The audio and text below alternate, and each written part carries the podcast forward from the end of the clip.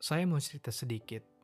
Dulu, ulang tahun bagi saya bukan hal yang istimewa. Sama kayak hari biasanya, nggak ada yang terlalu wah. Karena mungkin semakin saya bertambah dewasa, saya juga harus paham kalau nggak semua hal baik patut dirayakan. Cukup bersyukur sudah sampai di titik ini. Saya masih ingat saat saya di taman kanak-kanak, Papa merayakan ulang tahun saya. Dia beli banyak ciki-cikian, turbo, agar-agar, top, cup-cup. Dulu cup-cup masih gede, kalau sekarang udah kecil. Jadi kalau makan satu bungkus, gak kenyang. Papa saya bungkus beberapa ciki, agar-agar dan kartu ulang tahun sederhana berwarna merah. Bertuliskan nama saya dan ucapan selamat ulang tahun. Dan membagikan ke teman-teman saya di TK. Jujur, saya bingung apa yang saya rayakan saat itu. Mungkin karena saya terlalu kecil, tapi saat itu saya dan teman-teman saya sepertinya bahagia. Ya mungkin karena saat TK, kebahagiaan bisa dibeli dengan beberapa bungkus ciki dan agar-agar. Lompat beberapa tahun setelahnya, kebahagiaan gak bisa dibeli lagi dalam beberapa bungkus ciki dan agar-agar. Dan saya rasa merayakan ulang tahun tidak terlalu istimewa lagi.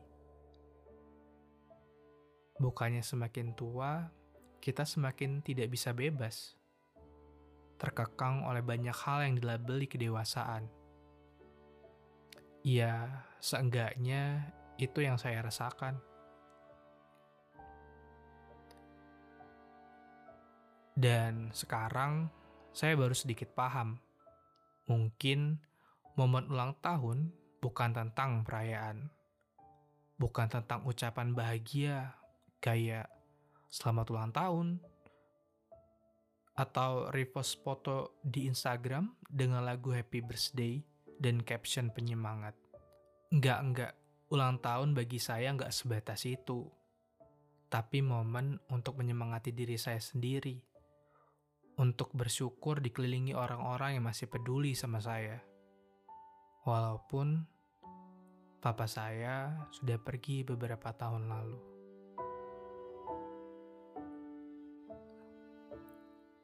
Dan berbicara tentang ulang tahun, gak mungkin bisa lepas dari kado kan?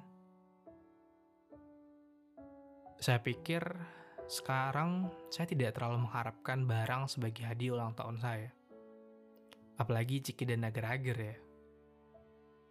Karena ya, saya juga nggak tahu apa yang saya suka atau apa yang saya mau.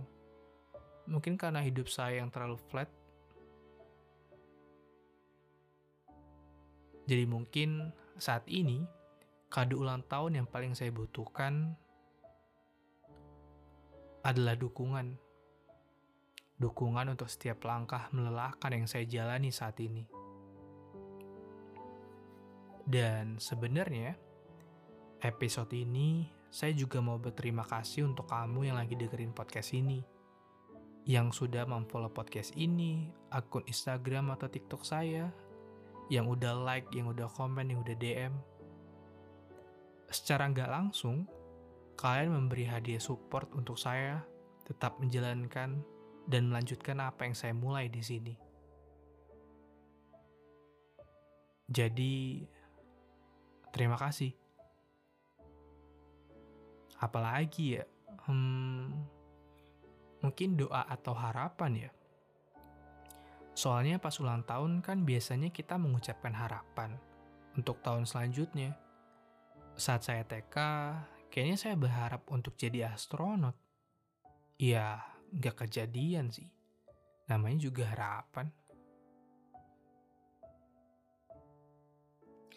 Tapi kalau disuruh berharap lagi, mungkin harapan yang saya mau, karena podcast ini sebenarnya juga untuk kamu, jadi saya harap kita, saya dan kamu, apa pun yang kita coba, apa pun yang kita mau, apa pun yang sedang kita usahakan, entah kamu mau menggapai cita-citamu, lagi berjuang untuk skripsi, berharap masuk PTN, mau diet, lagi buka usaha, atau mau ngelupain dia yang udah nyakitin hati kamu, saya harap itu berhasil.